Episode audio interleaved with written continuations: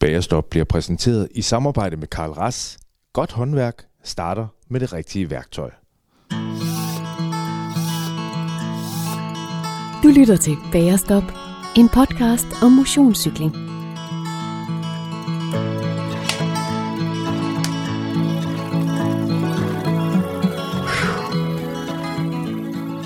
Hej og velkommen til Bagerstop.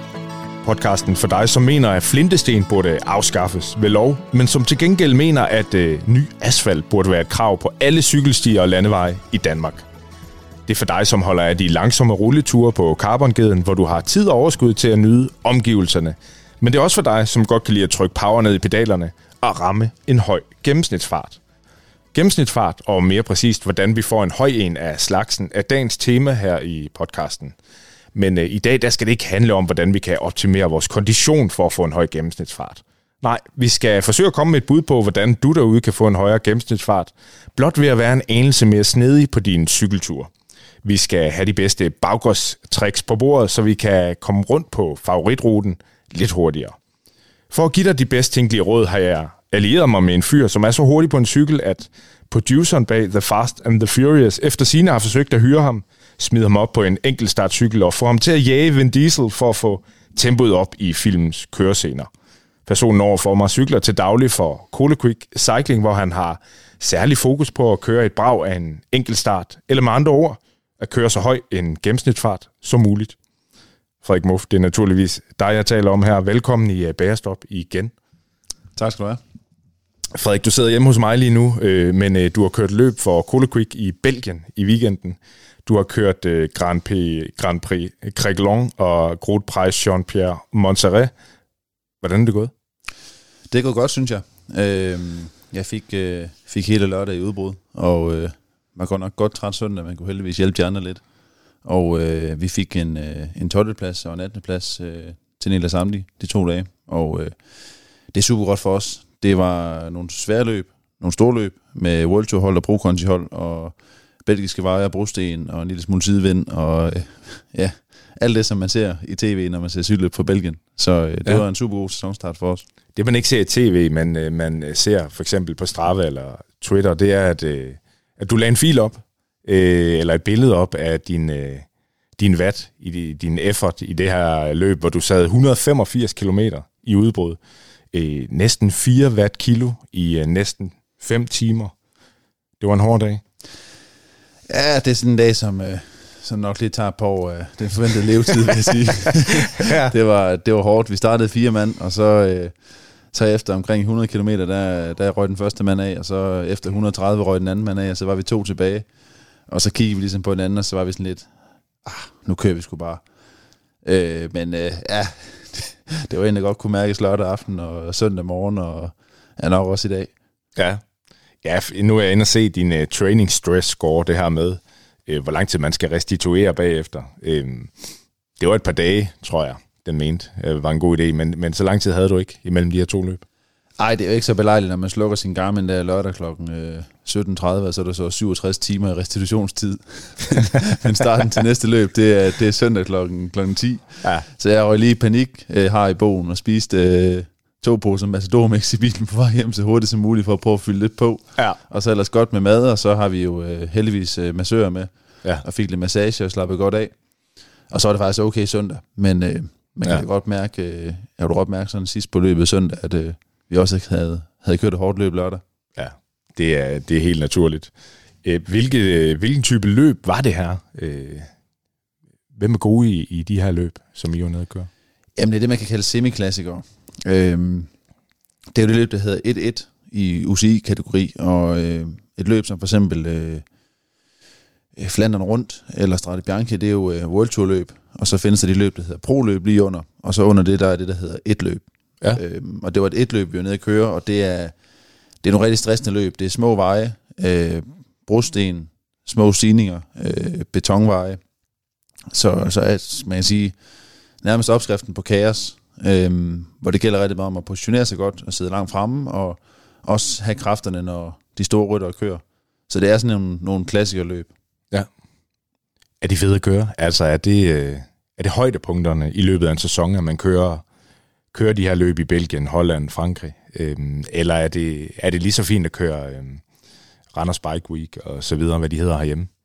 Nej, det er jo sjovere, når vi kommer ud og kører de her. Øhm, og man kan sige, når vi kommer op på det her niveau og kan være med og kan, kan gøre en forskel i løbene, så, øh, så er det jo endnu sjovere, når vi kører de løb, der hedder to løb, som er niveauet lige under, som vi kører rigtig mange af. Øhm, for der kommer World Tour-holdene ikke, så der er det også, der er de store, kan mm. man sige. Øhm, men det er jo det her, vi ser frem til, og det er jo det der med at prøve at, at køre mod de bedste i hele verden, og også, øh, også køre nogle løb, hvor der er, der er noget, no, altså der, der er noget på spil for os, der er nogle UCI-point, der er noget tv-tid, vi gerne vil have, og, og der er lidt mere i Belgien, altså det er jo det er lidt en anden virkelighed. Øhm, inden vi tager afsted til Belgien, så øh, er der gerne 10-15 belgier, der skriver på Instagram og spørger, om vi kommer. Og om det er rigtigt, at jeg nu kommer, når mit navn står på startlisten, fordi de har så et eller andet autografkort eller et billede fra ja. et løb for øh, fire år siden, hvor jeg sad i udbrud, som de har taget.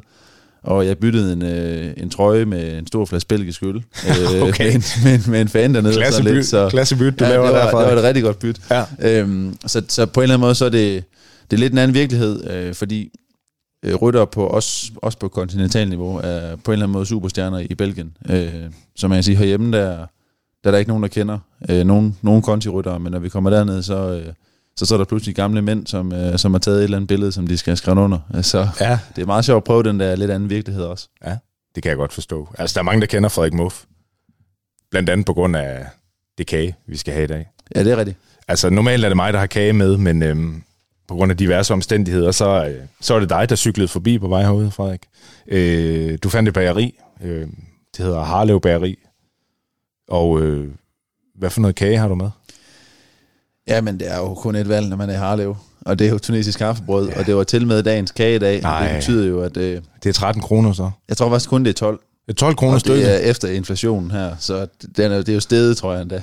Så, så, det, så det, det er jo, øh, altså man sige, det er et sted, der er value for money, og Ja. øh, det er jo bærens Valverde, som du har døbt ham. Jamen, som, øh, jamen det er som- det. Det er det. Altså, han bliver jo ved med at levere på allerhøjeste hylde. Ja, det må man nok sige. Øhm, han, er, han er vanvittig Charlie på, øh, på 80 år. Ja, det er så i orden. Og nu lukker de. Det er, det er jo helt skandaløst. Ja, men jeg ved næsten ikke, hvad jeg skal sige. Øh, jeg ved ikke, om vi simpelthen er så heldige, at vi kan få kontakt til de nye ejere og høre, om de bare kan, kan køre samme koncept. Ja. Altså, fordi det er jo øh, det er jo fremragende. Ja, det er, altså, min kone for at forsøge at, sådan, at modvirke min depression over det her, øh, forsøgte at bage tunesisk kaffebrød i weekenden, men, men glemte øh, bagepulveret, så de, er, de blev lidt kompakte. Øh, jeg har andre store forventninger til dem her, øh, men, øh, men hun skal bestemt have kudos for at give det et skud. Øh, for det er klart, det er jo en krise, vi ryger ind i her. Det er et tomrum efter Harlev Bæren. Ja, man ser jo faktisk i cykelsporten, der er jo øh, et udtryk, der hedder svartegræt, som... Øh, man Det sorte hul. Ja, som man snakker om, når rytter og stopper. Jeg tænker, det er, det er det samme, der Ja. sker der efter 1. april, at, øh, at 2. april, 3. april, 4. april, det er bare... Ja. ja det er bare altså, ligge under dynen og kigge Ja. op i loftet og håbe på, at øh, Læg med et glas rødvin og græde. Kig op i loftet. snart kommer mere sol på livet. Lad os få noget øh, tunesisk kaffebrød. Øh, vi må nyde det, mens det er. Det kan ikke være anderledes. I dag skinner solen jo også udenfor. Frederik, øh, du er først og fremmest det, man kan kalde for et, øh, et frontsvin og en enkeltstartsrytter, øh, vil jeg våge at påstå. Øh, hvad synes du egentlig er sjovest? Jamen, det kan jo være sin, sin del. Det er jo fedt at sidde i udbrud. Øhm, fordi man ligesom hele tiden tror på, at, øh, at det kan være, det, det er i dag, man tager, tager fusen på feltet. Ja. Øhm, men det er også fedt at køre enkelt start, fordi det er noget helt andet. Det er det der med at gå ind i sig selv, og man kan sige, at det er lige så meget en selv, der er ens modstander, som det er de andre. Øhm, så jeg vil sige, det er lidt en 50-50. ja. Har du nogensinde prøvet at vinde et løb, som ikke var fra et udbrud? Ja, jeg har faktisk vundet en øh, spurt, øh, da jeg kørte i D-klassen. Ja. Øh, Okay. Jeg vil, jeg vil sige, jeg ved ikke, om det var en spurt. Altså, jeg åbnede den 600 meter ude. så Okay, det, det, kan det være, var også en enkelt start. en kraftig fartfølelse måske i stedet Ja, for. Men, ja. øh, men det tror jeg nærmest, det er eneste gang. Okay. Øh, så øh, det er noget, jeg vil drille lidt med. Og så har jeg jo engang slået min, øh, min gode kammerat Niels Lav til et klubmesterskab i en spurt. Og det er jo også en af dem, som... Et slag broge. Ja, Ja. og han er faktisk ret hurtig. Ja. Øh, og jeg vil sige, det er, det er en af dem, som jeg ønsker at minde ham om, når vi er ude at træne sammen. Ja. At, øh, at det, er det, er, det, er, Det er sket. at, det, det er nok eneste gang, det nogensinde kommer til at ske i min karriere. Ja. Man skal tage alle de sejre, man overhovedet kan. Øh, når man kører enkeltstart, som du er fremragende til, hvad, hvad skal man så være dygtig til som rytter? Hvilken fysik skal man have? Ja, man kan sige, at man skal være dygtig til at, øh, at holde en, en vedholdende belastning i lang tid. Øhm, og også køre både på sin grænse, men også over sin grænse. Øhm, og det er måske også noget af det, vi kommer lidt ind på i dag, det er, hvordan man, øh, man også kan snyde sig lidt til at kunne gøre det på en måde. Ja. Øhm, fordi man har jo et, øh, med et eller andet form for fysisk potentiale og et fysisk maksimum, som er det, man kan yde. Men man kan jo gøre rigtig mange ting for at få det meste ud af det. Ja. Øh, om det så er på udstyret, eller positionen, eller hvad det er. Øhm, så man kan sige, på enkeltstarten gælder det lige så meget om at optimere alle andre faktorer, end det at træde i pedalerne, men samtidig selvfølgelig træde så meget i pedalerne som muligt. Ja, fordi det kan du jo også godt finde ud af, kan vi, kan vi se på tallene. Øhm, Frederik, du har fået en bronzemedalje ved DM i enkeltstart, og du har flere øh, topplaceringer ved det her særlige Chrono des Nations øh, i Frankrig, sådan et, et stort øh, enkeltstartsmesterskab, kan man sige, øh, hvor du konkurrerer mod mange af de andre dygtigste enkeltstartsryttere i øh, Europa. Hvilken af dine øh, resultater i enkeltstart er du mest stolt af? Altså det er klart, at en, øh, en bronzemedalje til et, et, et dansk mesterskab rangerer højt, men jeg vil sige, øh, sådan modstandsmæssigt, så tror jeg næsten, det er faktisk er Kronen de Nation øh, 2022, må det være, hvor øh, ja, jeg bliver slået af Stefan Bissiger, der er europamester med, jeg tror det er 10 eller 14 sekunder, og, og slår en, en række af de bedste rytter i, i, i, hvad hedder det, hele verden faktisk. Øhm, så det er en af dem, der, der, der rangerer højt, fordi det er mod så god modstand. Så, så, så man kan sige, det kan godt være, at jeg bliver nummer 8, var jeg til DM bliver nummer 3, men, øh, men det er måske næsten bedre rytter, som jeg slår og kører op med i, øh, i 2022. Ja. Øhm, sidste år med, der testede du en øh, prisvenlig SEO op imod en hundedyr Trek. Øhm, I dag der gælder det en snak om en højere gennemsnitsfart øh, hos os motionister. Kan du godt se det sjove i at, at hjælpe os øh, dødelige, selvom øh, om du har været nede og køre mod øh, World Tour rytter her i, i weekenden? Er det stadigvæk sjovt at have med almindelige mennesker at gøre også? Jamen det er det, og jeg, jeg er måske en af de få, som kører på, øh, på det niveau, øh, jeg kører på nu, som faktisk selv er startet som motionist. Øh, og jeg kan selv huske, hvor øh, fedt det var, da jeg kom igennem øh, Stjernetur i Grænsted og havde kørt øh, 33 snit. Ja. Øh, og og det, det, det er jo, jeg tror, det er, er det ikke Greg LeMond, der har sagt en gang, at uh, it doesn't get easier, you just go faster. Mm. Og så, så jeg kan jo sætte mig meget ind i, hvordan man har det, når man er ude at cykle selv. Øhm, og det er jo også måske vigtigt for os, eller i hvert fald for mig, at, at sige, at, øh, at nu skal vi selvfølgelig nørde gennemsnitsfart i dag, men øh, det er jo ikke fordi, man, man nødvendigvis er sejrer, fordi man kører øh, 40 timen i kontra, hvis man kører 25 timen. Øh, det er lige så hårdt for den enkelte mm. at køre den snitfart, som man kan køre. Ja.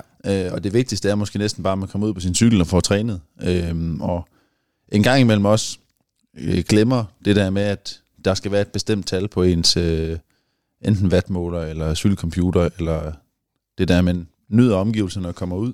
Mm. Men når det så er sagt, så er det selvfølgelig også fedt at nørde i, og det er jo fedt at have som mål en gang imellem, at man siger, at øh, men til sommer vil jeg gerne køre øh, 28 snit, eller 30 snit, eller 35 snit, eller hvad man har som mål. Øhm, og det er jo der, vi forhåbentlig med dagens episode kan hjælpe lidt Ja. ja. til, hvordan man, øh, man kan snyde sig til det. Det tror jeg, vi kan, Frederik. Øh, fordi i dag, der skal du forsøge at hjælpe os alle til en lidt højere øh, gennemsnitsfart. Øh, for som du siger, uanset hvad, så er det jo altid sjovt at komme hjem med en øh, gennemsnitsfart, som man er stolt af, og kan showcase lidt til sine følgere på Strava, eller endnu vigtigere bevise for sig selv, at man, man godt kan gøre det lidt bedre, end man gjorde sidst. Øhm, der kan man sige en masse om, at den bedste træning øh, måske ikke er på den måde, og alt muligt andet. Men øh, det at være motionsrytter, øh, der gælder det også det her med, at man kan efterlade alt ude på øh, tarmakken og komme hjem med 28, 29, 30 eller hvad det nu er, øh, kilometer i timen i gennemsnit. Øhm, da vi skrev sammen om episoden her, Frederik, øh, der skrev du til mig, at hvis alt går vel, så rammer man heroppe af, når man øh, stiler efter, kun stiler efter snitfart på en træningstur. Så linkede du til en af dine ture på Strave, hvor du kørte 55 km i timen i, gennemsnit øh, på en 26 km lang øh, træningstur. Det er jo absurd. Hvor mange, øh, hvor mange mennesker i Danmark kan kopiere dig? Åh, oh, det er nok ikke så mange, for at være helt ærlig. Øhm, men det var jo det var en dag inden, øh, jeg tror det var 14 dage inden jeg skulle køre DM enkeltstart i sidste, sidste år må det være, hvor øh, jeg havde ikke nogen enkeltstarter på, på programmet, og så tænkte jeg, at jeg er nødt til at prøve at køre min egen. Så jeg fik, øh, jeg fik fruen til at køre med ud til, til Mejlbyvej og holde og varmet op på en, øh, på en home trainer, og så kørte okay. hun bagved i bilen. Ja. Øhm, og Ja, det er faktisk imponerende, at hun, hun gik med til den plan, men altså, det gjorde hun. Øhm, og så var der heldigvis, øh, det var jo et taktisk rutevalg, fordi der var medvind den dag. Ja, ja. Så jeg tænkte, der var mulighed for at få en, øh, en KOM på Strava. Men øh, det gik lidt mere tjept, end jeg havde regnet med. Men øh, det var da en meget sjov fil at have at køre, køre 55 i snit i øh, ja. Ja. knap en halv time.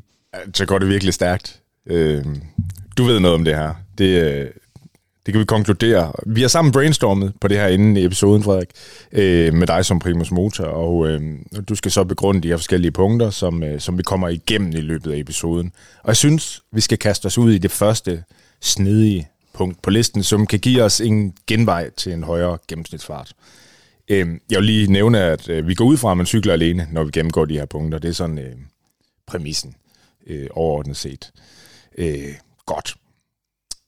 Den første her, det er nok næppe raketvidenskab. Det handler om, at vi vælger en rute, som ligger op til fart. Altså, her kommer vi ikke udenom, at vi skal langt væk fra bakkerne i Asnes Indelukke, Pøtmølle, Kidesvej. Hvad der ellers kan være en øh, stejl sten i skoen, hvis man gerne vil køre hurtigt. Øh, men hvorfor er det sådan, Frederik? Fordi indhenter man ikke bare den fart, man taber, øh, når det går opad, når man så rammer nedkørslen igen efterfølgende? Eller, eller er det bare hurtigere at køre på flad vej? Altså som ofte vil jeg sige, at øh, der taber man mere opad, end man når hen nedad. Øh, specielt med de nedkørsler, vi har herhjemme.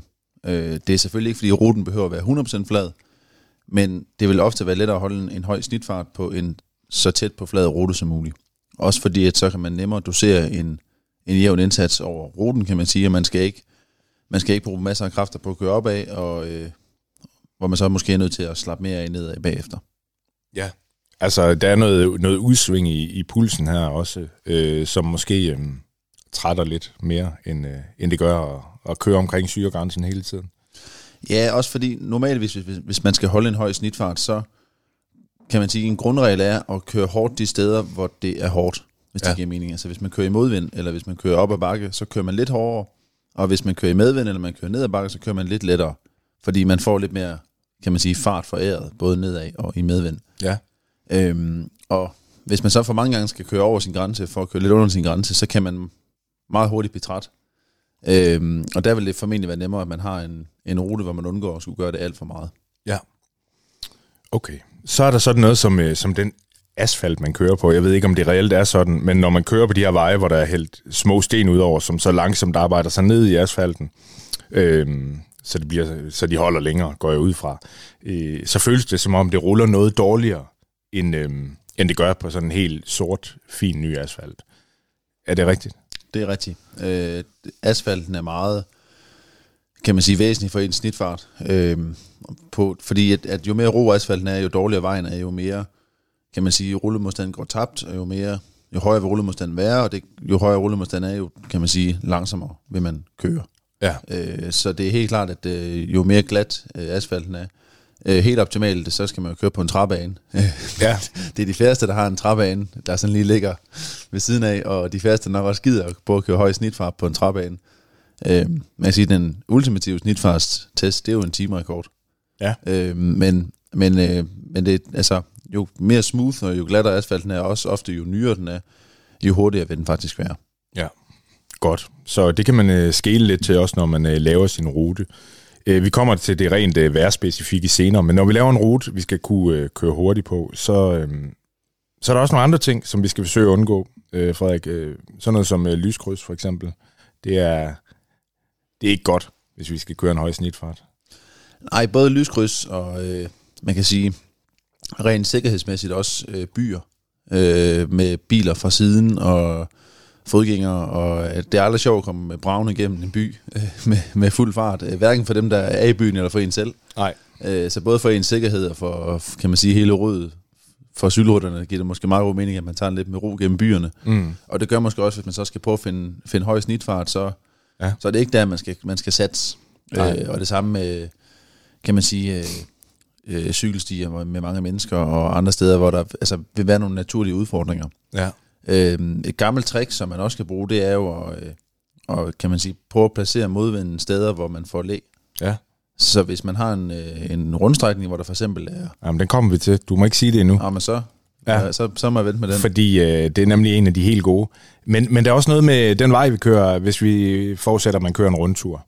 Øhm, jeg kan huske, jeg havde lavet en rute til dig, da vi, øh, da vi testede den her famøse SEO, øh, hvor, hvor jeg havde øh, øh, lavet ruten således, at du skulle køre mod urt. Og sagde du, hey, er det ikke bedre, at vi lige øh, vender den om? Øh, og hvorfor var det bedre?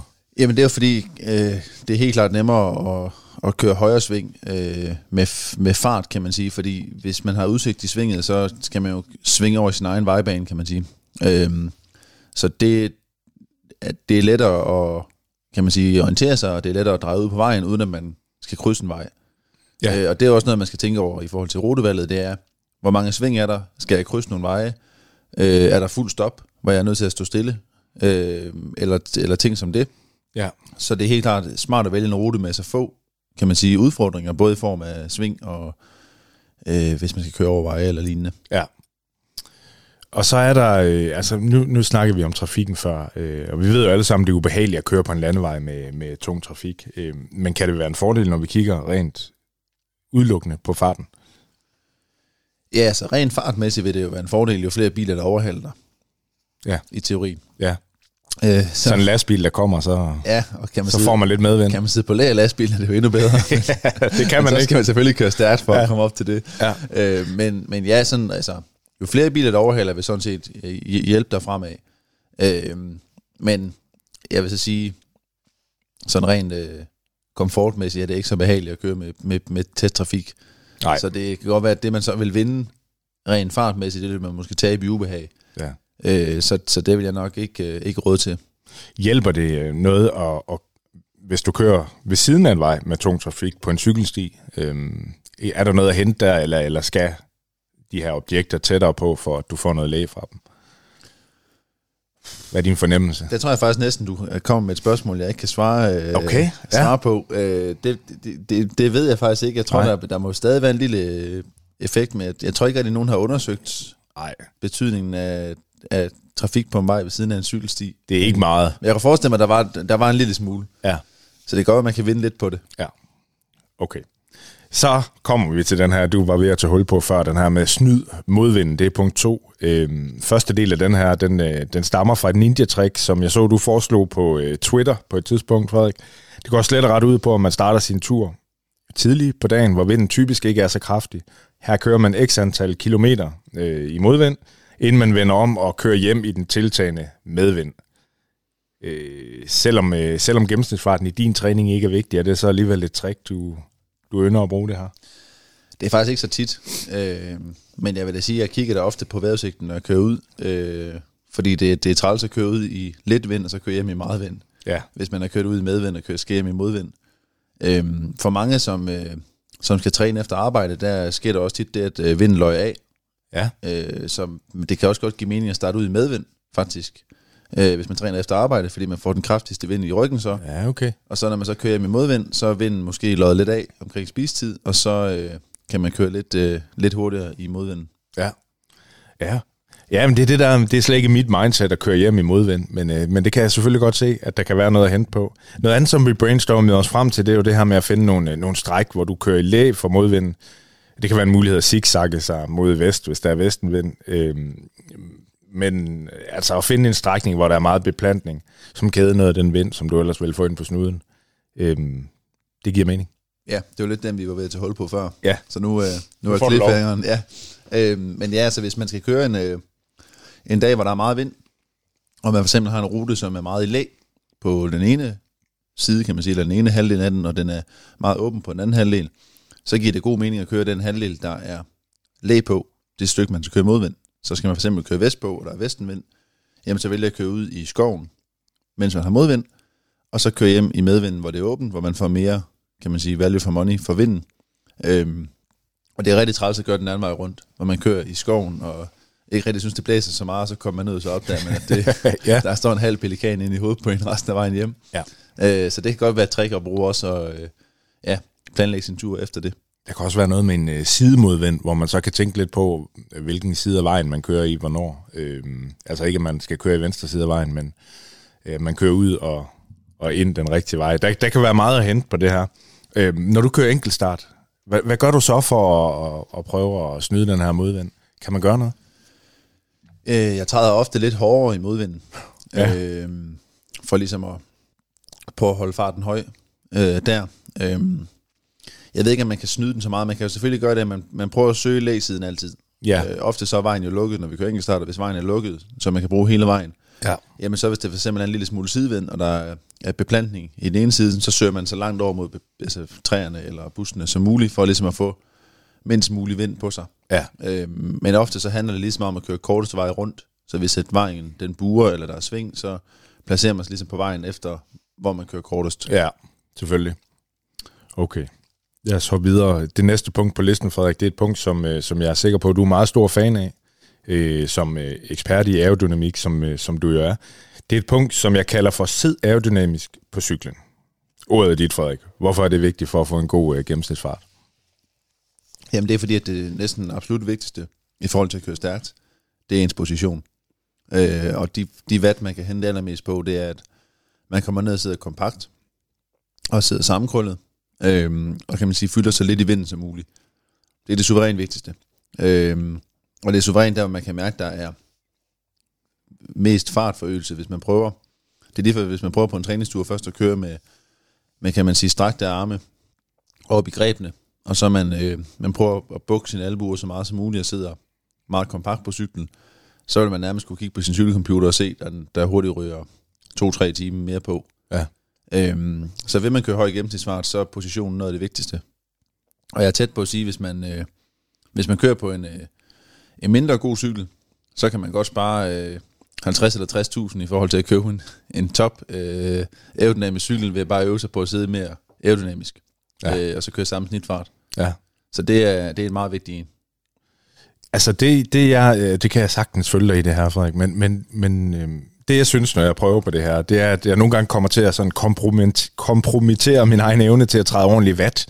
Øh, det bliver hurtigt sådan lidt akavet og, og sådan anstrengende at træde, øh, træde helt lige så hårdt i pedalerne. Øh, Men det er måske et spørgsmål om, om øvelse. Øh, nej, du vil altid tabe watt på at gå ned i den position. Ja. Øhm, jeg tror, sidste år, der er min bedste øh, 20 minutters øh, watt-test fra en øh, landevejscykel. Det var omkring 470 watt. Okay. Og min bedste 20 minutters på en enkeltstartcykel var omkring 430 watt. Okay. Så jeg kører næsten ja, 35-40 watt mindre på min enkeltstartcykel. Men hvor meget hurtigere? Øh, hvis jeg kørte på lige vej ved de to ved siden af hinanden, så vil en 4-5 timer hurtigere på enkeltstartcyklen. Så det kan Hold godt, så man kan Ja. godt, altså man skal ikke være bange for at gå på kompromis med Nej. Det, man kan træde, Nej. øhm, i forhold til at sidde mere, kom, altså mere kompakt og mere sammenkrøllet. Og det, det, det er tit det, der sker, øhm, i hvert fald for, hvis der er nogen af lytterne, som træner seriøst og kører intervaller, og Mm. man har en wattmåler, så kan man ofte tit med at slave den og være sådan lidt, i dag vil jeg godt køre 250 watt, øh, og hvis man så pludselig går ned i en aerodynamisk position, så kan man måske kun køre 240 watt, og så tænker man, puha, jeg mister altså 10 watt nu, så nu er jeg nødt til at gå op og sidde lidt mere komfortabelt. Ja. Øh, men man kommer jo hurtigere fremad ved 240 watt, man gør ved 250 watt, og på en eller anden måde, så vil det, det ultimative er jo på en eller anden måde snitfart. Altså det er jo næsten, øh, det er jo højere end, øh, end vigtigheden af watt. Altså det vigtigste, når man kører på, på cykel, i hvert fald hvis man gør det i konkurrenceøje med, det er jo at køre hurtigst muligt. Ja. Så det giver god mening, at man går lidt på kompromis med, med det, man kan træde i forhold til at, at sidde mere aerodynamisk. Får du en lavere puls, når du træder færre watt, eller, eller, eller bruger du nogle, nogle flere kræfter på at, at sidde anderledes? Nej, som ofte synes jeg faktisk, at pulsen plejer at være det samme. Ja. Øhm, det, er, det, det er som om, at der er, der er lidt større tab, kan man sige, ud i, at man sidder kompakt og ikke Mm. kan træde helt det samme. Mm. Øh, så det er ikke, fordi det er lettere. Nej. Øh, som ofte vil det være meget hårdere. Jeg vil også sige, øh, efter at have kørt sådan øh, to dage i Belgien her i weekenden, min ryg er der sådan ved at være, Den er lidt træt. jeg er godt træt af at sidde fuldstændig sammenkrøllet to dage i streg. Øhm, Og så sidde i en bil på vej hjem i 10 timer. Ja, det, Ja. det hjælper så heller ikke på det, men, øh, men, men det, er jo, øh, det er jo det, man er nødt til for at køre stærkt. Øh, så det giver meget god mening. Du lagde et billede op på Facebook, af, af, hvor, du, hvor du lå og førte i det her udbrud, og der kan man jo virkelig se, at du, du har meget lige ryg, du ligger meget øh, langt ned på cyklen. Øhm, der er ikke meget vindmodstand der, i forhold til, hvor høj en fyr du, du er. Øh, så det er det, du er bevidst om hele tiden. Ja, altså det er noget af det, som, øh, som jeg træner rigtig meget. Det er også øh, en af årsagerne til, at jeg bruger øh, mange timer i styrkecenteret hen over vinteren øh, på at lave, øh, kan man sige, øh, core-træning for mave og ryg og stabilitetstræning for baller og alt det, for ligesom at prøve at, at træne min krop til det. Øh, vi har jo også en, øh, en sportsdirektør på Kodekvik, der hedder Brian Hellerup, som, øh, som altid siger, nu, nu, øh, nu tager vi tyren ved hornene, når vi skal køre intervaller. Han gider ikke se folk, der sidder for langt oppe. Nej. Øhm, og vi griner nogle gange af det, men han har jo ret i det, han siger, øh, at øh, det er vigtigt at træne og sidde kompakt. Fordi hvis man, øh, hvis man ikke gør det, så bliver det rigtig ubehageligt, når man skal gøre det. Ja. Right. Jamen, øhm, er det din, altså tænker du, man kan ændre stilling lidt afhængig af, hvor, hvor man kører hen? Altså, om det går fra op og ned og fra side til side, øh, kan man godt variere lidt der. Hvis nu man sidder og bliver lidt træt i kroppen, har, har, har øvet sig lidt i at sidde lavt og prøve at få den her lave øh, gennemsnitsfart, øh, giver det mening at, at ændre positionen lidt? Jamen det man kan sige, det er jo, at øh, jo hurtigere man kører, jo vigtigere er det at sidde kompakt. Så hvis man kører en rute, hvor man kører en lille smule opad, så er det givet meget god mening, at man opad sidder lidt mere oprejst, får lidt mere luft i lungerne, øh, får lidt mere, kan man sige, pause til ryggen. Øh, og man så til gengæld prioriterer at sidde rigtig lavt, når man kører stærkt nedad, Ja. eller på flad vej. Ja. Øh, så man kan sagtens sådan differentiere, hvordan man sidder afhængig af terrænet. Ja. Fordi det er, jeg tror for de fleste vil det være umuligt. Det, vil, det er det også for mig, altså at sidde øh, fuldstændig perfekt kompakt på en hel tur. Men det handler om at vælge de momenter, hvor det er godt at sidde kompakt, kan man Hvor sige. det giver meget. Ja. Så når der er modvind, så er det også en god idé. Det er det, helt bestemt. Og det synes jeg jo godt kan være lidt frustrerende, når der er modvind, og man samtidig skal ned og træde, øh, hvor, hvor du ikke kan træde helt så mange watt. Øh, det, på en eller anden måde føles det, øh, som om det går langsomt, men jeg kan godt se, at det går hurtigere end det andet. Ja, ja, det er jo det. Øh, Så hvis man kigger på, på farten, vil der formentlig være en forøgelse på det. Øh, Og så må man jo lige komme over, at, øh, at wattmåler måske måler lidt under, hvad man gør, hvis man sidder helt oprejst. Ja. Godt. Inden vi går videre på listen her, Frederik, så vil jeg lige smide en tak til alle jer, som øh, støtter Bærestop på hjemmesiden tier.dk på størrelse med øh, skønheden i Strat Bianche. I dag er øh, første episode, efter jeg har fået øh, nye gode mikrofoner, som øh, jeres støtte har gjort muligt at købe. I, øh, I gør simpelthen hele forskellen noget. Hvis du også vil øh, være med til at hjælpe Bærestop, så kan du gå ind på tier.dk og støtte med et valgfrit beløb. Når du støtter, så hjælper du ikke kun Bagerstop. Du får også mulighed for at blive udtrykket øh, i sådan nogle løbende lodtrækninger hver måned om øh, fede produkter fra Fusion, som laver cykeltøj i øh, verdensklasse. Fusion har det som øh, mission at lave cykeltøj, som øh, du kan have i en overrække, fordi det er lavet af kvalitetsmaterialer, og det er lavet med miljøet i højsædet. Så øh, skynd dig ind og støt næste gang, øh, om et par dage faktisk, kan du få fingre i en øh, bundle bestående af løse arme, løse knæ og løse ben, øh, så du kan holde varmen her i de lidt kølige forårsmåneder. Hop ind på tier.dk og find Bærestops side og støt med et valgfrit beløb, øh, hvis du gerne vil hjælpe til. For hver femmer du støtter med, så får du et øh, lod i de her lodtrækninger.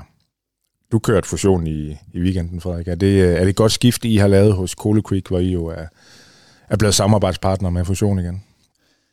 Ja, jeg vil sige, øh, det er meget, meget svært at klage over. Øh, en ting er jo, at, øh, at, at tøjet er, er topkvalitet, men det er lige så meget, at de menneskerne bag øh, er så nørdede, som de er. Altså, vi havde jo besøg af Anders fra Fusion øh, på vores weekendsamling, ugen inden vi tog afsted, så han kunne måle op på alle vores ryttere, så vi kunne syet øh, nye aerodynamiske sokker på mål til alle mænd, der skulle ned og køre i Belgien.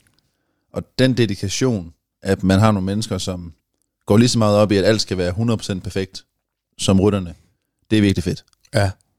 Ja der var nogen, der påpegede, at du havde høje øh, sokker på her i, i Belgien, men øh, du sagde, at de er ligesom de skal være. Ja, de, de var jo til grænsen for UCI-reglerne, men jeg ved jo, at, øh, at Anders han har haft, øh, han har haft målebånd på mig, så, øh, Ja. så jeg ved jo, at de holder. Så hvis der skulle komme en MC, øh, flamsk eller fransk kommissær, så kan jeg jo, øh, så kan jeg jo sige, at de lige præcis øh, holder, hvis han ja. Ja. nu skulle måle dem efter. Ja. ja, det er super godt. Øh, vi skal have det næste gode råd til at få en øh, flot gennemsnitsfart. Her skal vi have fat i det mentale aspekt. Øh, det her med, at man kan æde sig selv, at man kan bearbejde sig selv mentalt undervejs på en tur. Det er noget, man er nødt til som enkeltstartsrytter, Frederik. Tænker jeg. Det er det. Øh, og det er jo lidt det samme med snitfarten, at øh, hvis man kører en enkeltstart, hvor man for eksempel starter i modvind, og man kører og kigger på sin gennemsnitshastighed, så kan man godt øh, miste motivationen, når man drejer med medvind og tænke, puh, jeg har ikke benene i dag, jeg kører lavere, end jeg regnede med. Men lige pludselig får man mere fart på i medvind. Øh, og det er jo lidt det samme, når man kører en tur, hvor man skal have højst mulig snitfart. At øh, hvis man for eksempel kører det man regner med, det man ved, man kan, øh, og så man øh, kun for eksempel i situationstegn har 25 snit, når man, øh, når man vender efter modvinden, jamen så betyder det jo ikke, at man kommer hjem med, med, med 25 snit. Fordi Nej. man henter rigtig meget fart i medvinden. Øh, så det er også vigtigt, at man, øh, man bliver ved, og øh, kan man sige, stoler på, på at det man gør, det, det er det rigtige. Og måske heller ikke omvendt ligger for hårdt ud, fordi man tænker, at i dag vil jeg gerne køre 30 i snit, og så, øh, så kører man afsted i øh, 10 meter sekundets modvind og kører 30 i snit, fordi så, øh, så bliver det for, formentlig hårdt hjem i medvinden. Ja, man, man holder så nok 30 i snit stadigvæk, trods mm, alt, men, ja, ja. men at man, øh, man også er tro mod det, øh, og Ja. det, det er en helt klart en vigtig del. Ja. Ja, min far han er glad for fysik og kemi og, og den slags. Vi, øh, på det, lige på det punkt minder vi ikke så meget om hinanden. Men han siger, at øh, man skal altid tænke på, at det er opsparet energi, når man kører opad, eller kører i øh, modvinden. Øh, fordi den energi får man tilbage senere. Øh, så det er noget af det, jeg prøver at fortælle mig selv. Hvad, hvad prøver du sådan konkret at sige til dig selv, når, øh, når det gør ondt?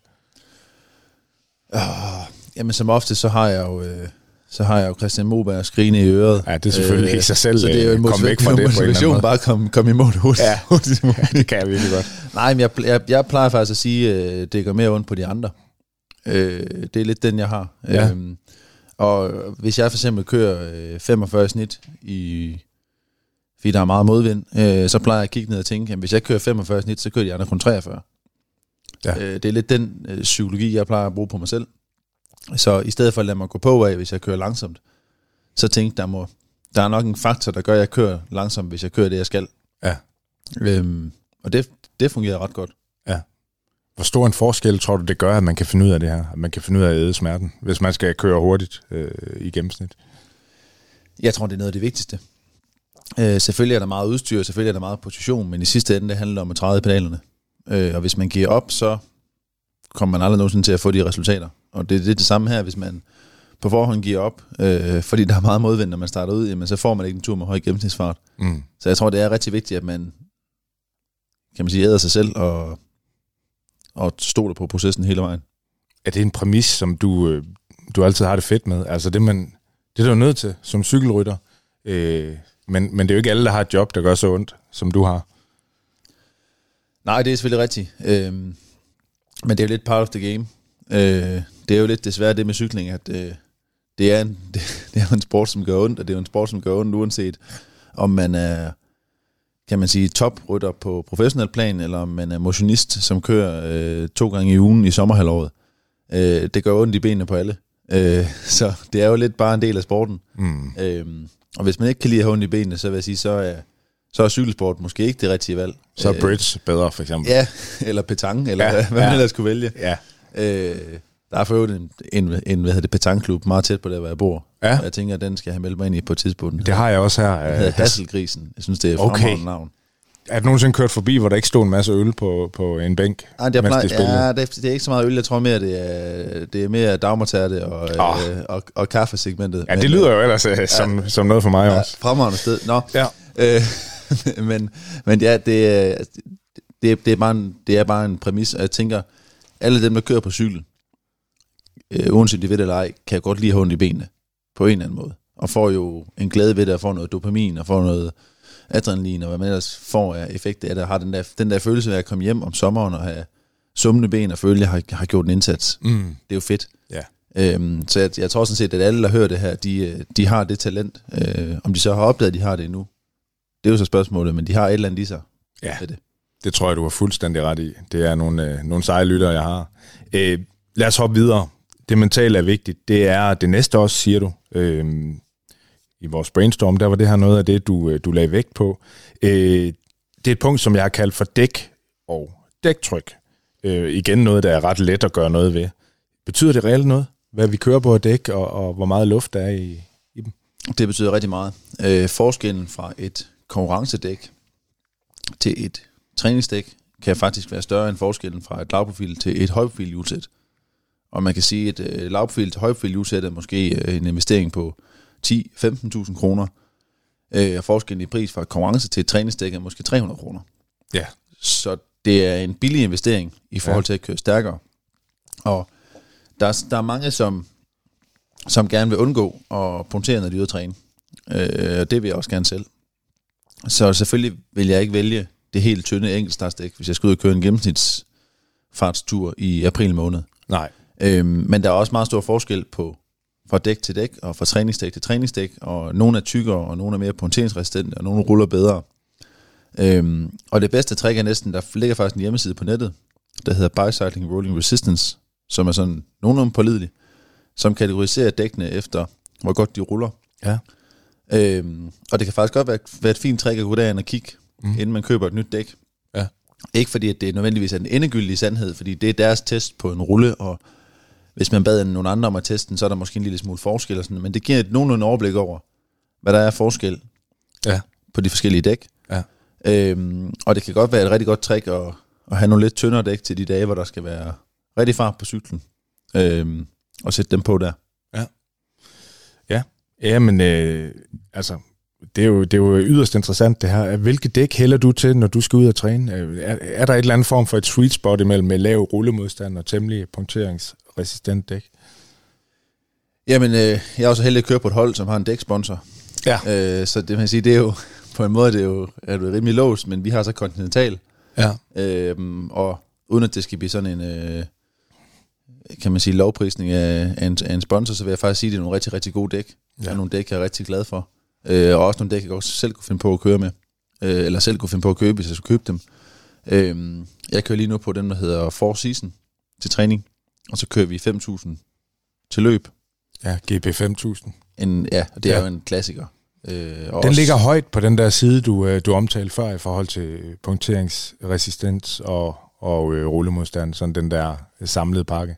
Jamen, det er et af de bedste dæk, og jeg vil sige, hvis jeg skulle jeg selv købe, vil jeg også købe det. Altså, fordi det, det modstår de danske veje og flintesten, og det hele øh, relativt godt. Øh, det kan også sættes op tubeless, hvis man gerne vil det. Øh, og det ruller rigtig godt, og det er også let samtidig. Så det er en rigtig god allrounder. Øh, og jeg trænede faktisk også på dem sidste år, øh, da jeg havde købt et par selv og sat på min hjul, Okay. for at få lidt mere fart hen over sommeren. Øh, så det er et rigtig fint, øh, fint dækvalg. Indtil sidste efterår, der kørte jeg altid efter devisen, øh, jo højere dæktryk, øh, des bedre, så, øh, ja, så jeg kunne, kunne komme afsted. Men øh, hvad hedder det, så fik jeg at vide, at det var bedre med et lidt lavere dæktryk. Øh, og det, det skulle jeg lige vende mig til oven i hovedet, at det kunne give mening. Øh, jeg ved ikke, prøv at forklare det her med dæktryk. Altså, det gælder ikke om bare at have 10 bar i, når man er ude at cykle, nødvendigvis. Nej, fordi det man lidt ønsker, det er jo, at, øh, at dækket på en eller anden måde kan forme sig efter underlaget, hvis det giver mening. Øh, på, en, øh, på en asfaltvej vil der jo altid være nogle små ujævnheder, og man kan sige, hvis at dækket konstant tvinges til at hoppe hen over de ujævnheder, så bliver rullemodstanden dårligere, hvis dækket kan, kan man smyge sig hen over, øh, hen over ujævnhederne. Øhm, så det man sådan set ønsker fra et dæk, det er også, at det er relativt blødt i gummiblandingen, men at man også vælger et dæktryk, som kan man sige, giver dækket mulighed for at udnytte sit fulde potentiale.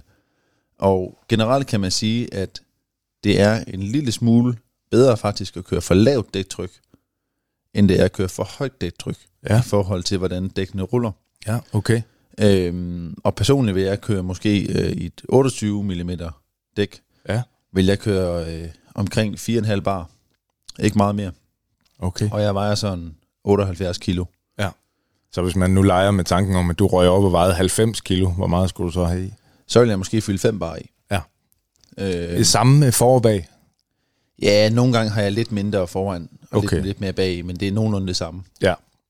Det er et godt sted at, at ligge med de her 28 mm brede øh, dæk, synes du. Ja, det Ja. ja. synes jeg. Hvad så, hvis du har 25 mm? Det er der mange, der kører på også stadigvæk. Så vil jeg nok gå omkring en halv bar op. Okay. Måske 0,3-0,4 op. Ja. Men ikke meget mere end det. Øh, og jeg, jeg kommer også fra, da jeg startede i cykelsporten, der øh, jeg købte min første sæson i A-klassen i 2014. Og der fik jeg også at vide af en af de gamle A-ryttere, der kørte i CK Aarhus, at øh, jeg skulle bare have 9,5 bar i. Ja, så kørte det. Og så kørte det. Og det føles også, man skal vende sig til det, fordi det føles hurtigere at have højt dæktryk, end det gør at have lavt dæktryk. Ja. Jeg tænker sådan lidt, når man kommer ud på lavt dæktryk, sådan, Ja. den er under lidt svampet. Den, Den her, suger Ja, ja. det hele ned men i. det, Ja. det gør det altså ikke, når man ser på, øh, på test af det. Og man har også den fordel, at jo lavere dæktryk, jo mere kontrol har man over cyklen. Og vil man køre stærkt, så giver det også god mening, at man har kontrol over cyklen i for eksempel sving og rundkørsler, og hvor man ellers skal styre den. Du har simpelthen bedre greb Ja. i vejen. Så det, øh, det er lidt en overbevisning. Man skal lige vente til det, men, øh, men det fungerer rigtig godt. Hvor meget tror du, vi kan hente her, Frederik, i forhold til, lad os sige, vi har, øh, lad os sige 8,5 bar i nogle øh, Durano Plus øh, dæk, kontra øh, at du har øh, 4,5 i, øh, i Continental 5000. Hvad tror du, der er forskel her? Jamen et, Er den, er den til at mærke? ja, et, et slag på tasken er vel sådan noget... Øh, på en 30 km runde er det vel halvanden minut, eller sådan noget den stil. Okay. Og det er alligevel en del på gennemsnitsfarten. Ja, det er det. Øh, Så det er, det er helt klart en af dem, hvor, hvor det giver rigtig meget at kigge på. Ja.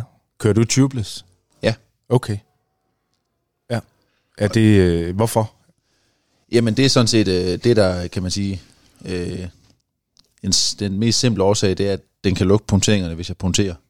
Øh, men der er også den fordel, at hvis man kører løb, som vi for eksempel kørte i weekenden, hvor der er brosten og rigtig dårlige veje, så kan man faktisk køre med en lille smule lavere dæktryk. Øh, og samtidig kan man sige, bibeholde de gode egenskaber. Ja. Øh, men det er helt klart punkteringsdelen, som, som vægter højt, at det er, det er rigtig smart, at hvis man har en lille siver, så lukker den selv. Ja.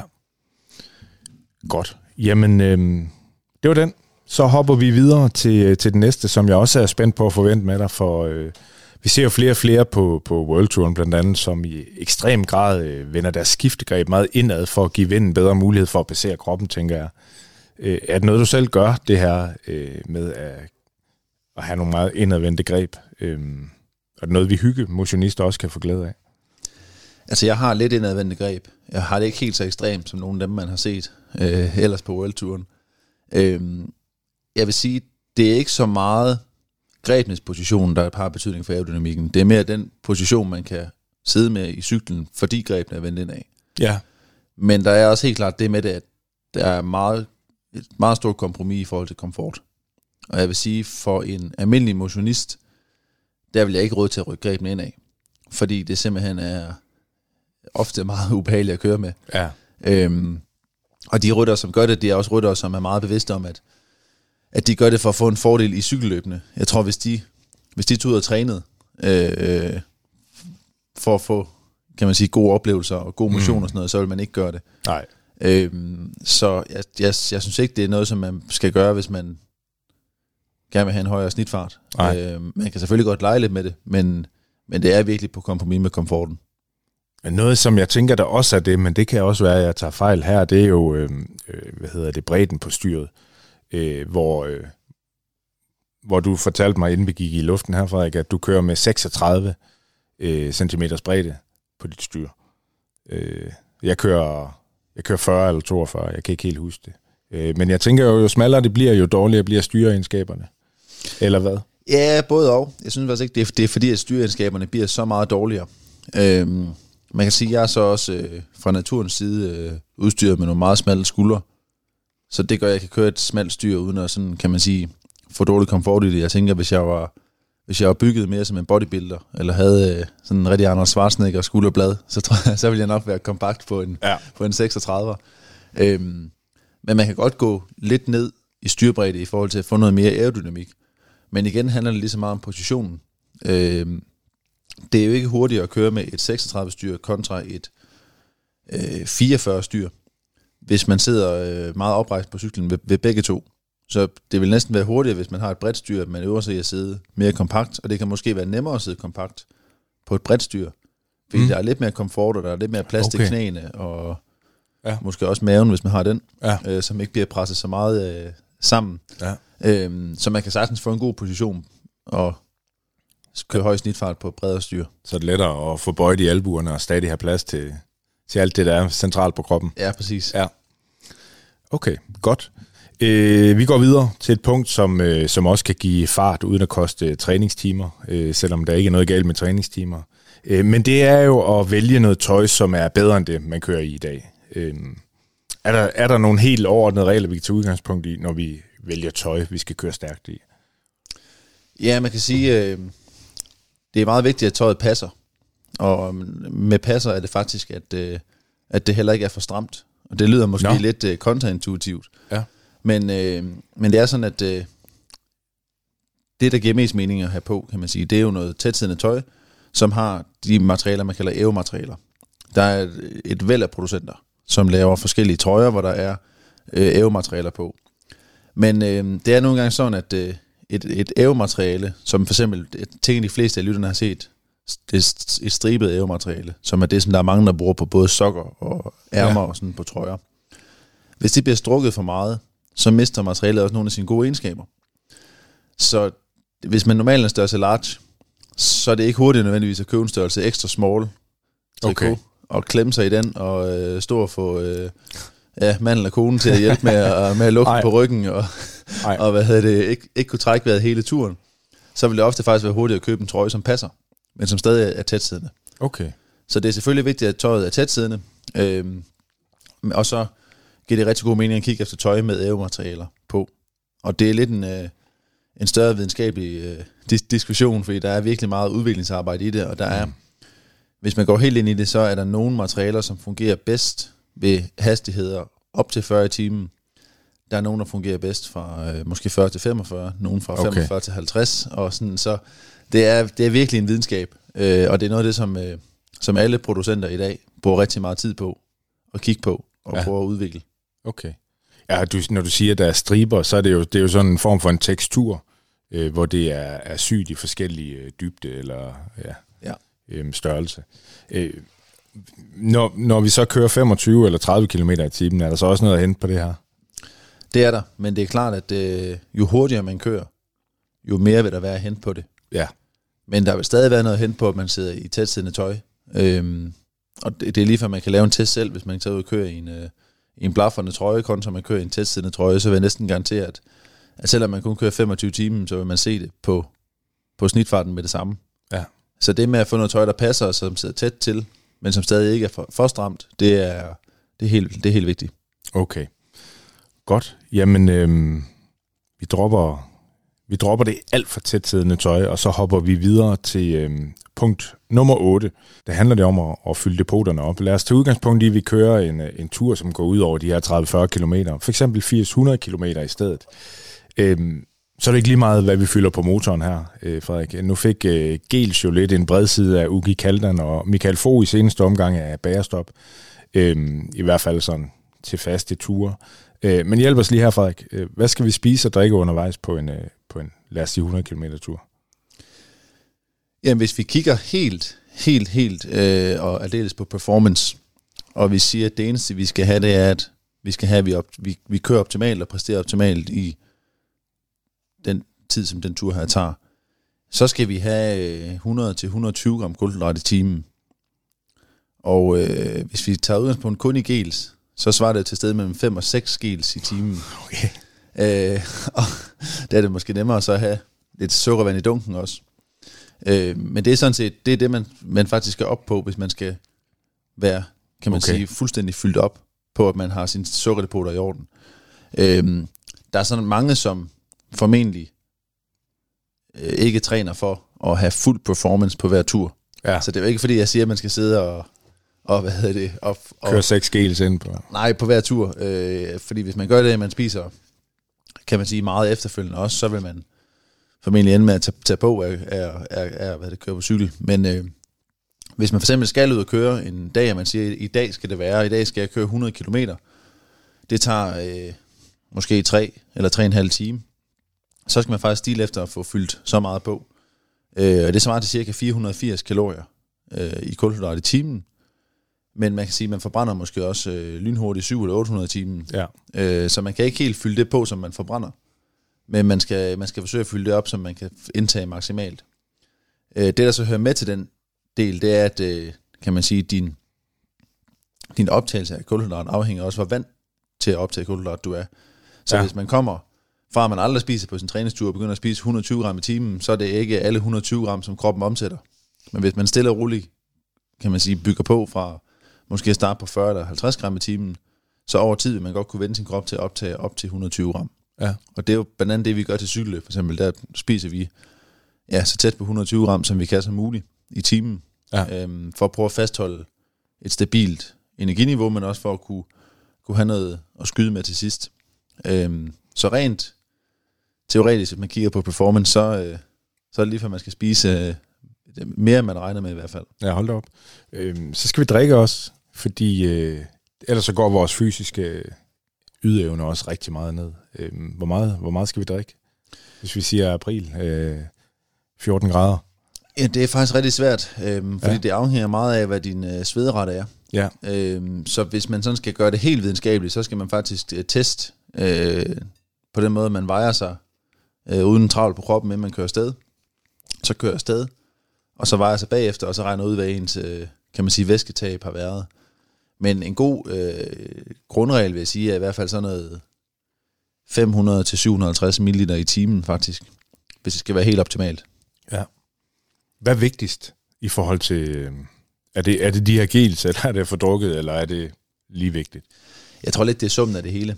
Øh, og det har jeg jo også sat på spidsen, fordi hvis man træner tirsdag og torsdag, så er det jo ikke, fordi man nødvendigvis skal, skal køre 6 gels i timen. Så, så det, altså, det, det, det, bliver for voldsomt. Det er jo, hvis vi kigger på, at man skal optimere helt vildt, eller hvis vi siger, at øh, man har trænet... Øh, hvad hedder det, fem eller seks måneder frem til at køre grejstadsløbet, og øh, nu skal man ud og køre, og man skal prøve at lave en ernæringsplan, så giver det god mening, at man den dag siger, i dag der prøver ja. jeg simpelthen at, at, at få nok ned og se, hvad der sker ved det. Ja.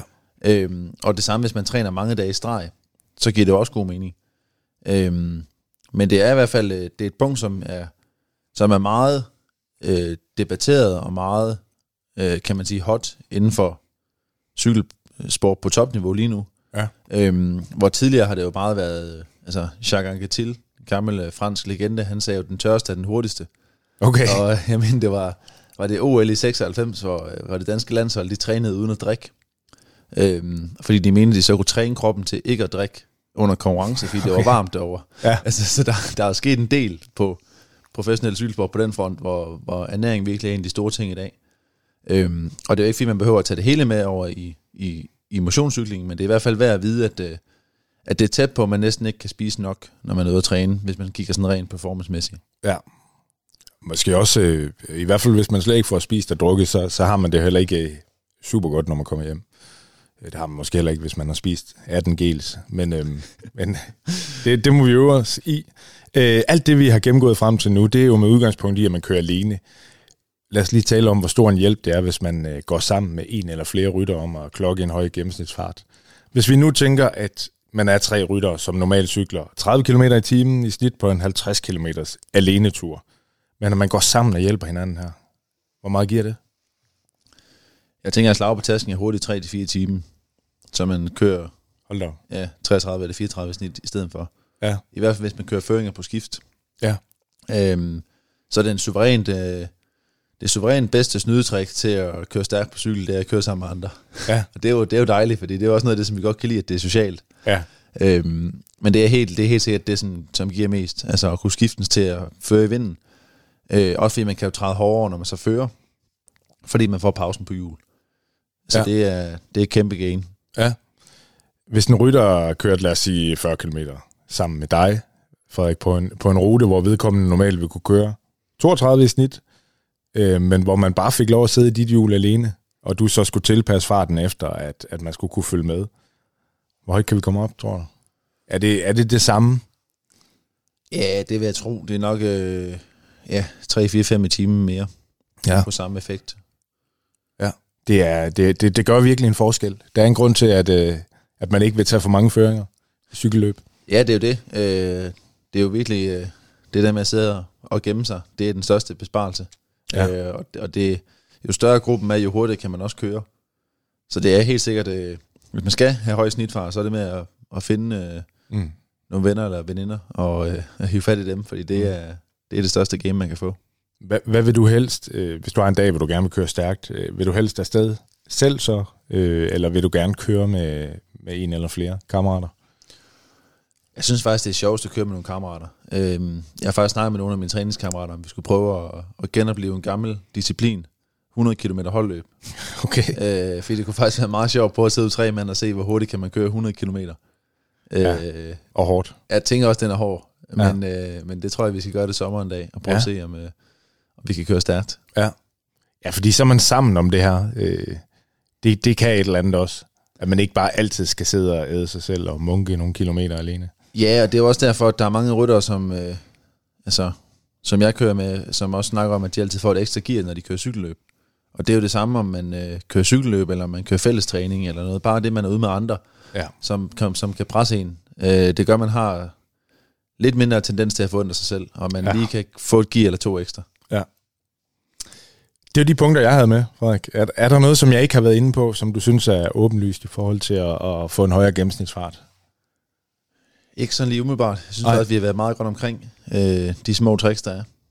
Der er en ting, jeg ikke har skrevet, øh, skrevet op, fordi jeg ikke synes, det var stort nok til at få et, øh, et punkt selv. Men, øh, men skoovertræk, er det et hack, der kan bruges? Ja, det er jo lidt ligesom med tøj. Altså, det er jo en... Øh, det, det, det vil jo være en fordel, rent aerodynamisk. Øh, ligesom det også vil være en fordel for eksempel at vælge et, øh, øh, hvad hedder det, øh, en, en kort af med trikot og barbere sine arme, øh, kontra at køre med, øh, med, en, med en lang og måske lidt mere vulket trikot. Øh, men om det, om det er sådan noget, der som for alvor gør noget, det ved jeg ikke. Øh, det er nok lidt mere forlier, Ja. man skal tage det på. Så hvis man synes, man, øh, man er lidt en, øh, en lierkal, så, øh, ja. så kan det godt betale sig. Men det ser måske ikke fedt ud med sådan en helt øh, ærge skoovertræk, hvis man kører 25 i snit. Øh, Nej, men ved du, det er næsten op til en selv. Altså, hvis man, øh, hvis man er ude at køre, og man, når man kigger ned og tænker, at øh, det er bare fedt det her, så skal man jo gøre det. Ja, det er øh, så er det næsten ligegyldigt, hvad man kører af hastighed. Ja. Øh, så, så hvis man, øh, hvis man synes, det motiverer en, og synes, det er fedt, så, øh, så giver det mening. Øh, når man kommer op og kører meget hurtigt til enkeltstart og sådan noget, giver det selvfølgelig mening ja, øh, at kigge på, men, øh, men det er nok ikke det første punkt, jeg vil tage fat i, hvis jeg skulle have en højere snitfart. nej, det er godt. Lad os prøve at rate de her ting, vi har gennemgået i dag, Frederik, for at kunne vurdere, hvad der giver bedst mening. Øhm, så lad os smide øh, noget karakter på, på hver af de her punkter. Du kan give fra 1 til 10 karakterer, hvor øh, 10 det er det, der giver mest til gennemsnitsfarten øh, på hver af de her punkter. Okay? Ja. Fra 1 til 10 øh, i forhold til rutevalg, hvor vigtigt er det i forhold til at få en god gennemsnitsfart? Og det er virkelig 6 ud af 10. Så det er relativt vigtigt, men det er ikke, det er ikke altafgørende. Nej. Snyd modvind. 5 ud af 10. Det er også, det er også en af dem, som betyder noget, men, men igen, hvor, hvor man kan stadig godt få en, en god snitfart uden at bruge det. Position på cyklen. Den får en klar 10 ud af 10. Det er næsten det vigtigste. Ja. Er det, du har jo et... Øh, nu, nu stopper vi lige øh, navngivningen her lige midlertidigt. Du har jo en virksomhed sammen med Martin Toft, som er øh, en anden dygtig dansk enkeltstartsrytter, hvor I øh, ja, aerooptimerer øh, cykel, øh, cykelrytter, og man kan tage fat i jer og, og få noget hjælp til det her. Er positionen der det vigtigste? Det er altid det, vi starter på. Øh, fordi det, det er helt klart der, hvor der er det, det, det meste at hente. Øh, det er selvfølgelig fint at kigge på, at man har de rigtige skoreovertrækker og de rigtige dækvalg og sådan noget efterfølgende, men det, som der er helt klart det vigtigste, det er, at man sidder godt på cyklen. Og hvis man sidder dårligt på cyklen, så kan man sjældent kompensere ved at have godt udstyr. Okay. Man kan ofte kompensere ved at have lidt dårligt udstyr, men til gengæld sidder rigtig godt. Ja. Så position er helt klart det vigtigste, synes jeg. Ja, godt. Vi hopper videre. Øh, nummer 4, det er mindset. Den er faktisk vigtig, synes jeg. Øh, det er væk i 7 ud af 10. Ja. Øhm, fordi det er at den største begrænsning, man næsten kan have, det er en selv. Ja. Øh, så det er virkelig vigtigt, at man, øh, man kan overkomme det. Dæk og dæktryk. 8 ud af 10. Den er højt op på listen. Hold da fast. Ja, det synes jeg. Nå. Fordi øh, jeg tror, der er rigtig mange, som, øh, som vil blive overrasket, hvis de har været vant til at køre på, øh, på nogle af de meget tunge træningsdæk, over hvor meget hurtigere man faktisk kører, hvis man skifter til et, øh, til et hurtigt dæk. Og jeg kan faktisk også huske, da vi snakkede, øh, da vi snakkede øh, SEO mod Trek i, øh, i Ja. den gamle episode, der var det lidt ærgerligt, at vi havde to cykler, som havde forskellige gearsystemer. Fordi vi, vi kunne faktisk godt have, det kunne have været sjovt at prøve at køre med Ja. det ene hjulsæt og det ene dæksæt Ja. på den anden cykel, for at se, hvor meget forskel det faktisk gør. Ja. Så dæk er, øh, dæk er virkelig value for money. Okay. Ja, det er lidt overrasket over. Øhm, så er, er der nummer 6 her, det er et smallere styr og indadvendte greb. Ja, der er vi så i den anden ende. Den får, øh, den får to Okay. ud, ud af 10. Der er lidt at hente, men, øh, men det er bestemt ikke det vigtigste. Nej. Øhm, tøjet. Der er vi nok sådan rent øh, performancemæssigt, er vi nok også op på en 8 ud af 10 igen. Hvis vi skal, hvis vi skal højt op. Det er Ja. ikke helt position, men, øh, men det er meget tæt på. Der er virkelig meget hen på det. Altså Luna fra Bamse og Kylling vil nok øh, præstere rigtig dårligt her. Hun har en relativt stor kjole på. Øh, så det, vi, det er vigtigt, man har øh, tætsiddende tøj på her også. Så er der ernæringen. Jamen afhængig af turens længde er det lidt en, øh, en score. Øh, på lange ture, der vil det jo være højt, og på kortere ture er det måske lidt mindre. Så vil, det vil nok være en 6 ud af 10, sådan rent øh, gennemsnitsmæssigt. Ja. Øh, med, med pil op på de lange ture, måske lidt mere pil ned på de kortere. Ja. Gruppekørsel. 10 ud af 10. Ja. Det er det, der kan give allermest fart. Det er det væsentligste. Det er, det er jo interessant, at mange af de her punkter, de er helt gratis, eller er ret billige at, at ændre på. Hvis nu vi forestiller os, at vi skal vælge mellem position på cyklen, højprofilhjul, aerocykel, tøj og dæk, hvordan fordeler det sig så, øh, hvis du skal rate dem? Hvad, hvad, hvad er vigtigst, og hvad er mindst vigtigt? Jeg vil helt klart starte med position. Øh, så tror jeg, jeg vil kigge på tøj bagefter. Og så vil jeg kigge på dæk. Ja. Og så hjul og ramme vil faktisk være de, øh, de sidste. Som er suverænt det dyreste. Ja. Ja, det er jo virkelig interessant.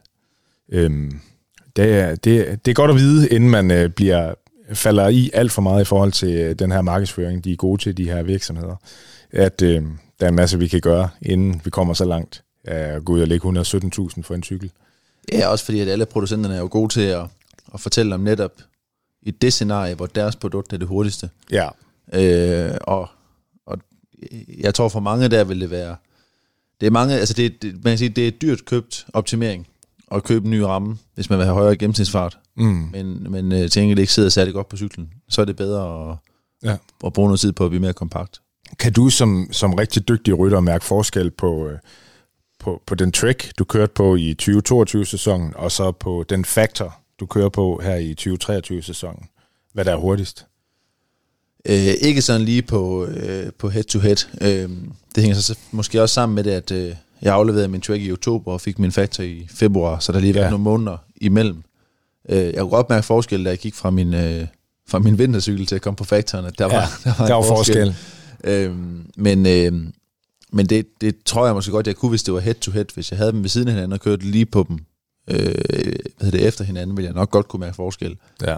Men jeg synes så også, at når man kommer op på det niveau i cykelproducent, så er det godt nok svært at vælge en cykel, som er meget bedre end de andre. Mm. Øh, faktoren er en lille smule lettere end tracken, så kan det være, at tracken er en lille smule mere aerodynamisk. Og sådan, så det, der er måske nogle steder, hvor der er en, der er lidt bedre end den anden, men, men det er to sindssygt gode cykler. Øh, Så handler det måske om, hvad synes man er flot, og hvad sidder man godt på Ja, mest. ja, ja. helt sikkert.